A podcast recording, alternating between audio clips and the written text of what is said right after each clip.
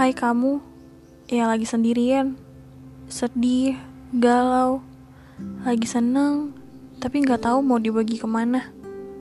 Pengen cerita, tapi nggak tahu mau sama siapa. Cerita yuk.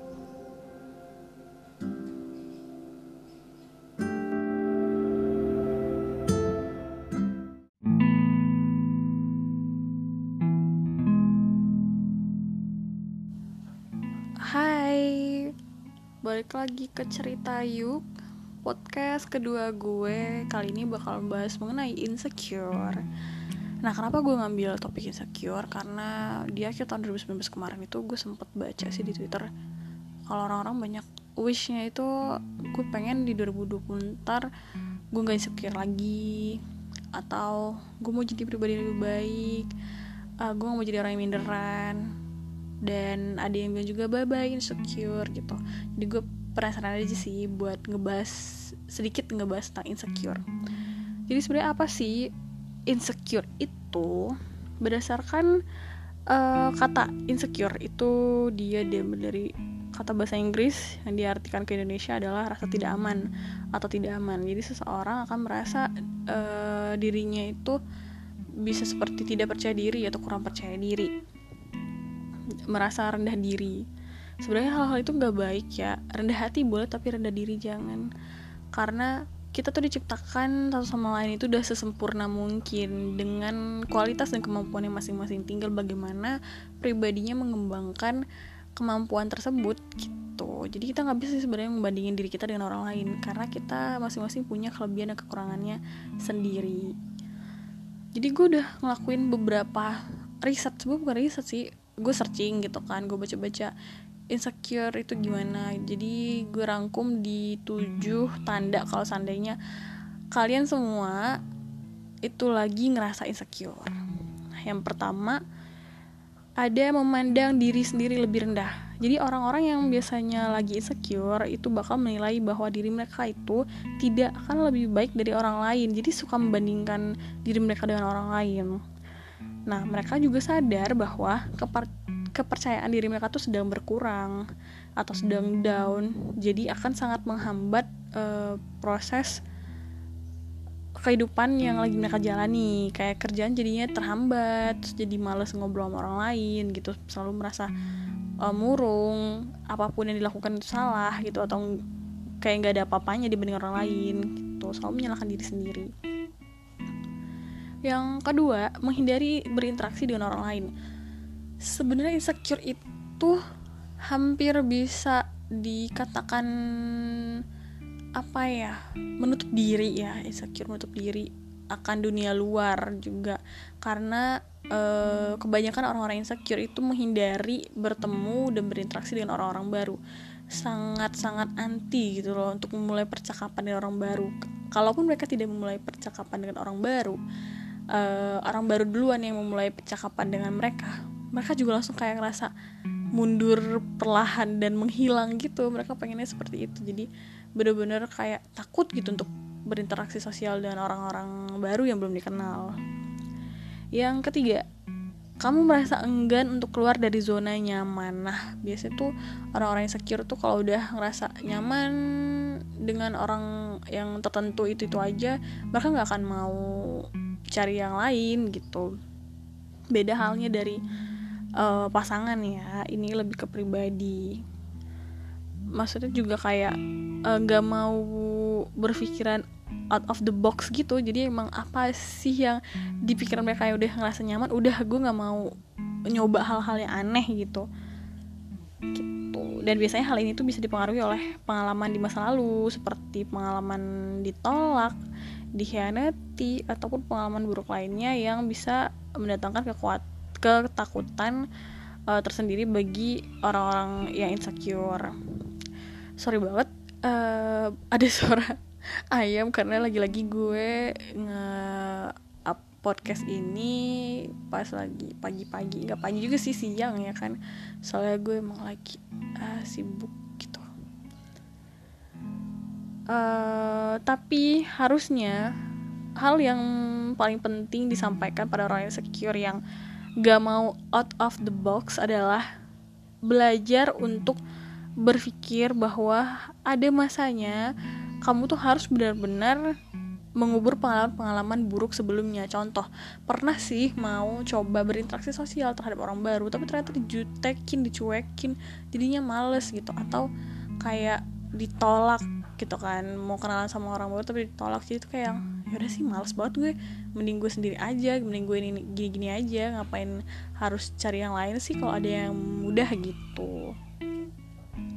Yang keempat sering membandingkan diri dengan orang lain. Nah ini dia yang kayak apa ya contoh ya. Uh, gue pribadi gue juga dulu pernah jadi orang yang insecure. Tapi udah lama banget ya terakhir mungkin SMA SMA kelas 1 kelas 2 gitu. Gue sempet minder sama warna kulit gue karena warna kulit gue tuh tidak putih nggak putih gitu. Uh, ya dan gue berpikir ih gue pengen jadi orang yang putih gitu bersih gitu kan. Uh, enak aja kalau putih itu dilihat bersih gitu kayaknya. Tapi ternyata semakin gue dewasa gue semakin berpikiran bahwa apa yang ada di tubuh gue sekarang itu juga spesial gitu uh, gak selamanya um, apa ya kita tuh berpikir oh jadi orang lain itu enak gitu. Ada kekurangan kelebihannya sendiri. Oh ternyata kalau misalnya kulit gue juga manis kok gitu.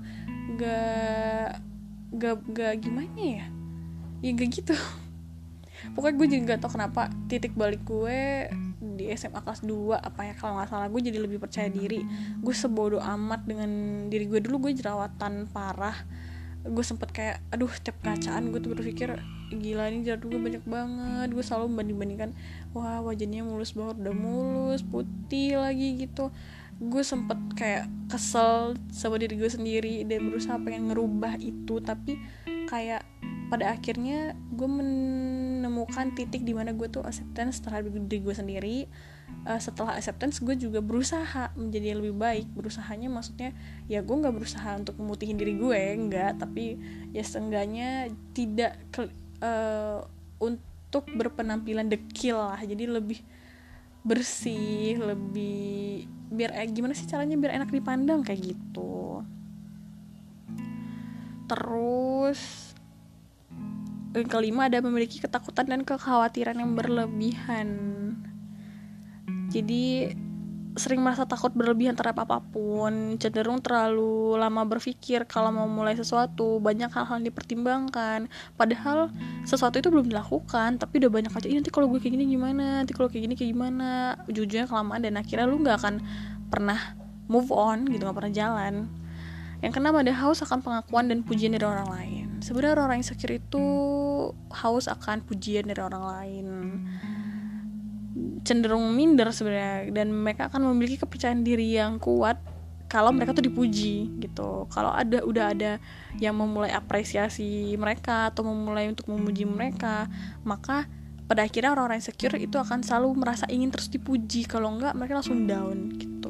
Disentil sedikit aja. Ih kok lu yang awalnya dibilang ih bagus ya wajahnya udah bersihan sekarang belum bebas segala macam eh tiba-tiba besok minggu depannya dilihat lagi ih ada jerawat tuh di hidungnya. Nah itu langsung down parah sih.